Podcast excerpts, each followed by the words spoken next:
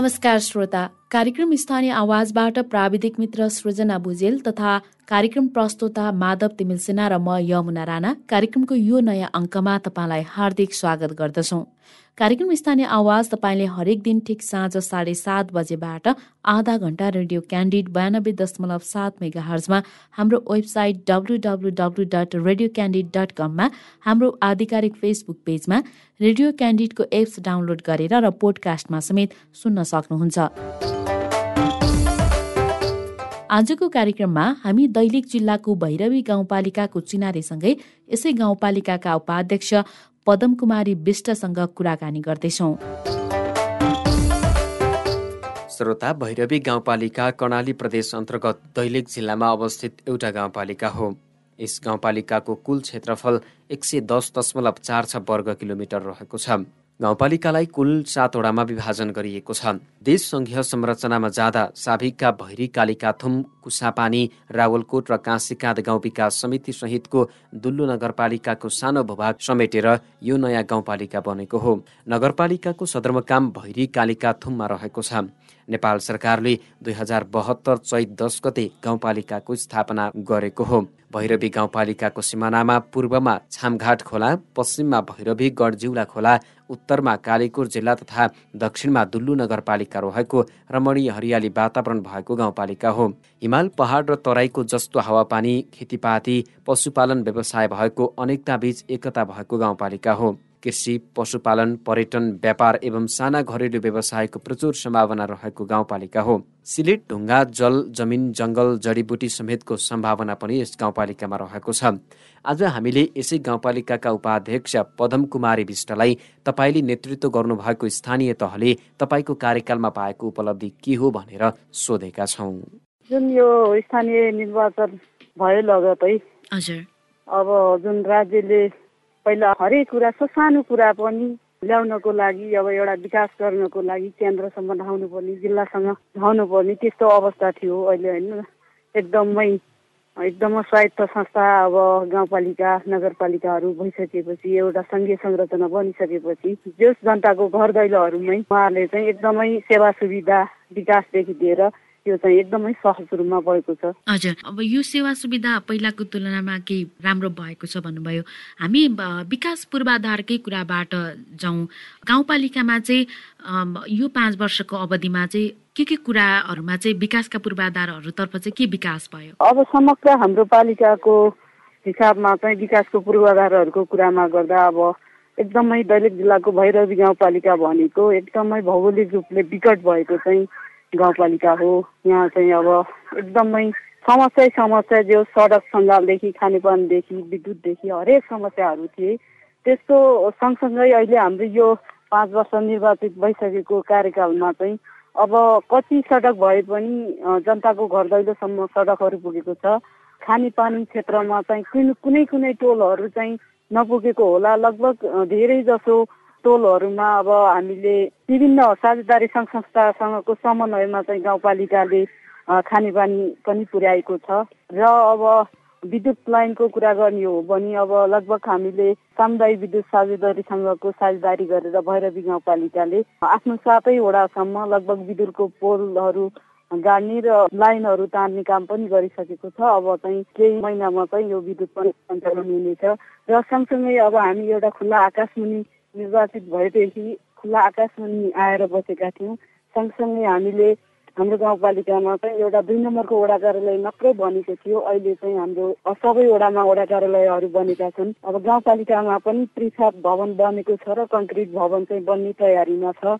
र हामीले हाम्रो वडाका सबै लगभग स्वास्थ्य स्वास्थ्य संस्था नभएको ठाउँमा स्वास्थ्य इकाइका भवनहरू बनिरहेका छन्। यसरी नै अब विकासका पूर्वाधारहरू अब कृषिका भवनहरू भए शैक्षिक क्षेत्रमा विद्यालयका भवनहरू भए यसरी चाहिँ पूर्वाधारहरू चाहिँ तयार भएको छ। हाम्रो देशभरकै कुरा गर्ने हो भने पनि धेरै विद्यालय र शैक्षिक संस्था र स्वास्थ्य संस्थाहरूमा चाहिँ पर्याप्त जनशक्ति नहुँदाखेरि चाहिँ समस्या भइरहेको हुन्छ। गाउँपालिकामा चाहिँ अहिले हाम्रो पहिला शिक्षाको कुरा गरौँ शैक्षिक संस्थाहरूमा चाहिँ जनशक्तिको अवस्था कस्तो छ? एकदमै म्याडम हाम्रो पनि सबभन्दा हाम्रो पालिकाको पनि समस्या त्यही नै हो। शैक्षिक संस्थामा चाहिँ हाम्रो पनि जनशक्तिको अभाव हुँदा हामीले अब पालिकाको केही अब त्यही बजेट नै हालेर हामीले अनुदानमा चाहिँ टिचरहरू राख्ने गरेका थियौँ। अब फेरि नीतिहरू बनाएर हामीले दरबन्दी कायम गरेर पालिकाको दरबन्दी कायम गरेर विद्यालयमा जनशक्ति सञ्चालन गरेका छौँ। स्वास्थ्यको हकमा पनि अब करार दरबन्दीहरू लिएर सञ्चालन गरेका छौँ। स्वास्थ्यमा त त्यति धेरै चाहिँ समस्या छैन। थाईहरू पनि आउनु भएको छ। त्यसरी गरेका छौँ। गाउँपालिकामै प्रसुति सेवा पनि दिइरहनु भएको छ? गाउँपालिकामा हाम्रो तिनवटा पहिलाको गाविस चारवटा गाविस मिलेर चाहिँ हाम्रो भैरवी गाउँपालिका बनेको छ। चारवटा गाविसमा एउटा गाविसको स्वास्थ्य चौकी चाहिँ दुल्लु नगरपालिका हाम्रो छिमेकी नगरपालिकासँग गएको छ भने तिनवटा स्वास्थ्य चौकी चाहिँ हामीसँग छ। त्यो स्वास्थ्य चौकीमा बठिक सञ्चालन भइरहेछ। अहिले पनि गाउँपालिकामा शैक्षिक संस्थाहरूभन्दा बाहिर बालबालिका छन् कि छैनन्? खासै अब त्यस्तो देखिने बालबालिकाहरू त छैनन्। अब त्यसरी अब कहिले चाहिँ अब साता इन्डिया जाने आउने अनि बिचमा रोकिने त्यस्तोहरू चाहिँ लगभग त्यस्तो क्रम चाहिँ अब हुँदै गए पनि पुरै तिनीहरू व्यवस्थापन चाहिँ भएको छैन। गाउँपालिकाको कुरा गर्दाखेरि चाहिँ स्थानीय तहहरूले चाहिँ सङ्घीयतामा गइसकेपछि गाउँपालिका आफ्नो स्थानीय तहमा उत्पादन हुने अथवा के के कुराहरूको सम्भावना छ त्यसलाई पहिचान गरेर त्यसलाई चाहिँ प्रवर्धन गर्नेतिर चाहिँ एकदमै धेरै जोड दिनु भएको थियो। यहाँको गाउँपालिकामा चाहिँ के कुराको सम्भावना थियो पर्यटन होस् उत्पादनको कुराहरूमा र त्यसलाई प्रवर्धन र सम्वर्धनको लागि के कस्ता कामहरू गर्नुभयो? खासै अब अलिकति हाम्रो पालिकाहरूमा चाहिँ कच्चा पदार्थ त्यति सम्भव त अब त्यति चाहिँ छैन। हामीले अब कृषिको क्षेत्रहरूलाई चाहिँ जोड दिएर अब कृषि उत्पादनहरू भएको छ। अब विभिन्न त्यही कृषिकै पकेट क्षेत्रहरू बनाएर उत्पादन गर्ने तरकारी खेतीहरू उत्पादन गर्ने त्यस्तो छ जडीबुटीहरू भयो अलिकति लेस साइडतिर त्यस्तो छ खासै त्यस्तो उत्पादनको क्षेत्रमा अहिले अब त्यस्तो ठुलै योजना चाहिँ छैन। कृषिमा पनि अलिकति बढी जोड दिनु भएको थियो जस्तो यहाँले पनि भन्नुभयो पकेट क्षेत्रहरू बनायो भन्नुभयो। के के उत्पादन हुन्छ र कसरी कुन कुन कुराको पकेट क्षेत्र बनाउनु भएको छ?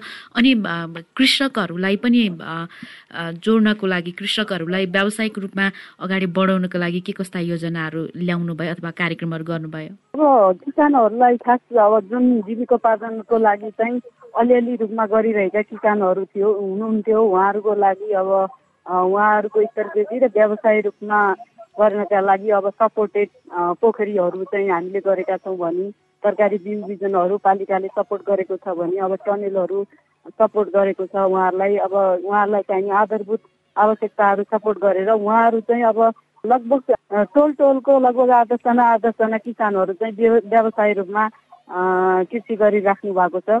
अब अहिले धेरै मात्रामा कृषिको धेरै अब मात्रामा हामीसँग कृषि खपत हुने बजार चाहिँ यहाँ नभएकोले सङ्कलन केन्द्रहरूको पनि अब मोडल ल्याएको छौँ। हामीले एक दुईवटा सङ्कलन केन्द्र पनि बनाएका छौँ। त्यति अब सञ्चालनमा आइसकेका छैनन्। अब आउलान्। मा चाहिँ हामीले हाम्रो भैरवी गाउँपालिका वडा नम्बर सात र छमा चाहिँ डेरी उत्पादन गरेर हामीले त्यहाँ घिउ छुर्पीहरू बनाउने अनि अब दुध नै आवश्यक परे दुध नै सप्लाई गर्ने त्यसपछि अब त्यस्तो दुग्धजन्य पदार्थहरू बनाउने चाहिँ गरेका छौँ। मैले रोजगारीको कुरालाई जोड्न चाहेँ जस्तो अहिले अब देशकै एउटा प्रमुख समस्याको रूपमा चाहिँ युवाहरूको युवाहरू बेरोजगार हुनु रहेको छ।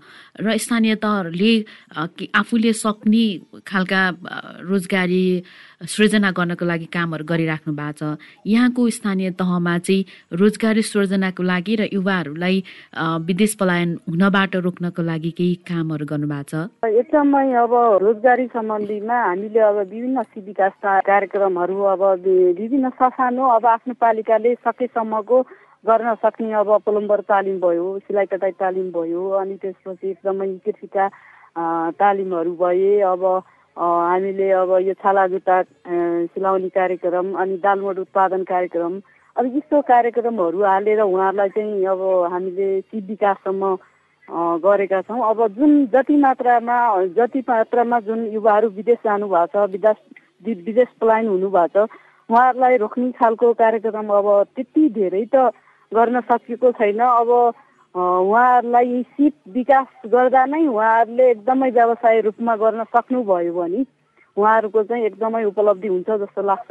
मलाई जस अब जुन हामीले सिप सँगसँगै उहाँहरूले गर्नुपर्ने जुन आफ्नो हो नि जति जति उहाँहरूलाई सिकाउँछ नि उहाँहरूले चाहिँ अब पर्याप्त मात्रामा अलिकति नगरिदिएको पाइएको छ। लगभग हामीले यहाँ व्यवसाय रूपमा सिकाउने क्रममा पनि दुई ढाई सयजना सिकायो भने दुई चारजना दुई चारजना मात्रै त्यो सिपमा चाहिँ बस्नुहुन्छ त्यो व्यवसाय गर्नुहुन्छ। अरू चाहिँ फेरि बाहिरै जाने चाहिँ उहाँहरूको त्यो इच्छा हुन्छ। लगभग त्यो किसिमको चाहिँ एउटा वातावरण बनेको छ। त्यो त्यो भएर त्यति धेरै मात्रामा पर्याप्त छैन र अल्पकालीन अब तत्कालको लागि समस्या समाधान गर्नको लागि अब उहाँहरूलाई अब मुख्यमन्त्री रोजगार कार्यक्रम प्रधानमन्त्री रोजगार कार्यक्रम तत्कालको राहतको लागि त्यो पनि सपोर्टेड एउटा कार्यक्रमहरू गरेका छौँ हामीले।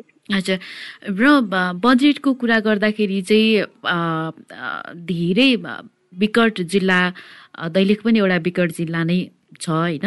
विकट जिल्ला र त्यो पनि विकट पालिकाहरूले चाहिँ के भन्नुहुन्छ भने बजेट चाहिँ अलि समान रूपले बजेट विनियोजन गर्दाखेरि चाहिँ विकासको कामहरू गर्नलाई चाहिँ अलि सहज भएन भन्नुहुन्छ। यहाँको के छ यसप्रति? अब यो बजेटको कुरामा चाहिँ लगभग तराई अब अलिकति हाम्रो पहाडी एरियाको तुलनामा ठाउँहरू सजिलो छ विकास गर्न सजिलो छ। त्यहाँको तुलनामा जुन पहाडी क्षेत्रमा यो ग्रामीण क्षेत्रहरूमा भौगोलिक दृष्टिकोणले चाहिँ एकदमै विकट क्षेत्रहरूमा चाहिँ जुन किसिमको बजेट आउनुपर्ने हो यो एकदमै अब थोरै नै भयो जस्तो लाग्छ मलाई चाहिँ। जुन किसिमले हुनुपर्ने हो त्यो। र यो केन्द्र र प्रदेश सरकारको भूमिका चाहिँ कस्तो पाउनुभयो यहाँले आफ्नो तर्फ आफूले हेर्दाखेरि चाहिँ? अब खासमा यो केन्द्र र प्रदेश सरकारले जति पनि अब बजेटहरू छ माथि नथुप्र्याएर अब तल पठाइदिएको भए झन् छिटोभन्दा छिटो चाहिँ विकास हुन्थ्यो। अब एकदमै तलको संरचनाहरू छिटो बन्थे। विकास भनेको नै तल स्थानीय तहदेखि नै हो माथि भन्दा पनि एकदमै त्यस्तो जस्तो लाग्छ। अब माथि चाहिँ एकदमै सङ्कुचन पारेर चाहिँ माथि राखिराख्ने ठुलो बनाएर तल चाहिँ एकदमै सानो रूपले चाहिँ दिने भएकोले एकदमै समस्या चाहिँ रहेको छ। यहाँको यहाँ निर्वाचित भएर आउँदाखेरि चाहिँ अब स्थानीय तहहरू नयाँ थियो सबै कुरा नयाँ थियो। यहाँले अघि सुरुवातमा पनि राख्नुभयो होइन? हामी एउटा खुला आकाश मुनि निर्वाचित भएर आएका थियौँ। जस्तो त्यो समयमा चाहिँ यहाँलाई त्यो त्यो समयमा काम गर्नको लागि चाहिँ कतिको चुनौती रह्यो अथवा त्यसलाई हामीले के के को रूपमा लिनुभयो? त्यसलाई चुनौतीको रूपमा लिनुभयो कि मौकाको रूपमा लिनुभयो? खास यहाँ चुनौती र मौका दुइटै छ हामी निर्वाचित भएर आउँदाखेरि अब मैले सुरुमै भने संरचनाहरू केही थिएनन्। हामी सबै नयाँ थियौँ। अब नीति विधि कानुनहरू केही पनि आएका थिएनन्। अब पोलिसीहरू केही पनि आएको थिएन। त्यतिखेर त्यसै त्यसैले त्यहाँ चाहिँ अब काम गरे पनि नगरे पनि अब एउटा नीतिअनुसार हुने हो कि होइन? भोलि केन्द्र सरकारसँग बाँझियो भने त्यहाँको नीतिसँग बाँझियो भने फलप्पो हुने हो कि? भन्ने एउटा दुविधा जस्तो त्यो चुनौती थियो भने अब हामीले गर्दै गयौँ सिक्दै गयौँ एउटा मौका जस्तो पनि भएको मौका र चुनौती चाहिँ दुइटै छ यसैमा। हजुर। जस्तो यहाँले अब गाउँपालिकाको एउटा स्थानीय तहको उपप्रमुख भएर काम गर्नु भएको छ होइन? अब अब चुनाव नजिकिँदैछ अबको योजना चाहिँ के छ? गाउँपालिकाको हामी प्रमुख नै भएर हुन्छ नि हाँक्न सक्छौँ भन्ने योजना छ कि के छ? एकदमै म्याडम। अब मै सायद लाग्छ मलाई अहिले अब सायद महिलाले नेतृत्व गरेको गरेको भए अझै पनि यहाँभन्दा जस प्रमुख पदमा महिलाले नेतृत्व गरेको भयो अझै पनि राम्रो विकास हुन्छ जस्तो लाग्छ मलाई। जहाँ पनि हेर्छु एउटा उपभोक्ता समितिमा मात्रै महिला प्रमुख भएर चलाएको योजनाको योजना र पुरुषहरू बसेर चलाएको योजना हेर्ने हो भने त्यो अवश्य पनि महिलाले गरेको ठाउँमा चाहिँ एकदमै पारदर्शी राम्रो उहाँहरूले नजानेर बिगार्नु भयो होला तर चाहिँ त्यहाँ बिगार्ने किसिमको त्यस्तो ऊ चाहिँ हुँदैन। त्यसैले महिलाले गरेको नेतृत्व भयो भने एकदमै विकास हुन्छ जस्तो लाग्छ मलाई। त्यसैले चाहिँ एउटा नेतृत्व चाहिँ दिनु पर्छ र दिन पनि सकिन्छ जस्तो लाग्छ मलाई। मलाई एउटा कुरा जोड्न मन लाग्यो। जस्तो यो यो अवधिमा यहाँले उपप्रमुख भएर पालिकाको उपप्रमुख भएर काम गर्दाखेरि चाहिँ कतिको सजिलो अथवा गाह्रो के रह्यो यहाँको अनुभव? अब त्यति अक्षरै महसुस त गरिएको छैन। तैपनि अब एउटा जुन प्लान गरिन्छ एउटा महिलाहरूले चाहिँ अलिकति सानो रूपलेदेखि लिएर एउटा सभ्य सबै बनाउनुपर्छ भन्ने एउटा प्लान दिन्छ त्यो भएर पनि अब एउटा प्रमुख जिम्मेवारी चाहिँ नहुँदा उपप्रमुखले अब सबै कुरा एउटाले भनेको मात्रै हुन्न भन्ने कुरा चाहिँ त्यहाँ प्रुफ हुँदो रहेछ। त्यतिखेर चाहिँ अलिकति जुन उपप्रमुखको आफ्नै जिम्मेवारी छ त्यो जिम्मेवारी चाहिँ आफ्नो हामीले चाहिँ सहज रूपमा मैले चाहिँ सहज रूपमा निर्वाह गरेको चाहिँ गरेको छु। यहाँहरू चुनावमा जाँदाखेरि जुन प्रतिबद्धता जनतामा गरेर आउनु भएको थियो यहाँको कार्यकाल सकिँदै गर्दाखेरि चाहिँ त्यो प्रतिबद्धताहरू कति पुरा भए जस्तो लाग्छ यहाँलाई? लगभग मैले पनि यसो प्रतिबद्धता आफ्नो घोषणा पत्रहरू हेरेको थिएँ मोटामोटी रूपमा होइन? एकदमै लगभग घोषणा पत्रमा भएको चाहिँ लगभग धेरै कुरा एटी पर्सेन्ट भन्दा ओभर लगभग नाइन्टी पर्सेन्ट नै पुरा भएको छ। अनि त्यहाँभित्र नभएको कुरा पनि थप कुराहरू जुन सिक्दै गयौँ गर्दै गऱ्यौँ त्यो कुरा पनि थप भएको छ त्यसमा। अन्त्यमा केही भन्नुहुन्छ? जुन अब मलाई चाहिँ हाम्रो पालिकाको एकदमै विकासको विषयमा चाहिँ हामीले गरेका पाँच वर्षको योजनाको विषयमा हजुरहरूले एकदमै सोधेर हाम्रो सम्पूर्ण हाम्रो जनता माझमा चाहिँ पुर्याउने एउटा अवसर दिनुभयो। यसका लागि म हजुरहरूलाई धेरै धेरै धन्यवाद दिन चाहन्छु। धन्यवाद। म भैरवी गाउँपालिकाको उपाध्यक्ष। धन्यवाद यहाँको समयको लागि धन्यवाद उपाध्यक्षज्यू। धन्यवाद।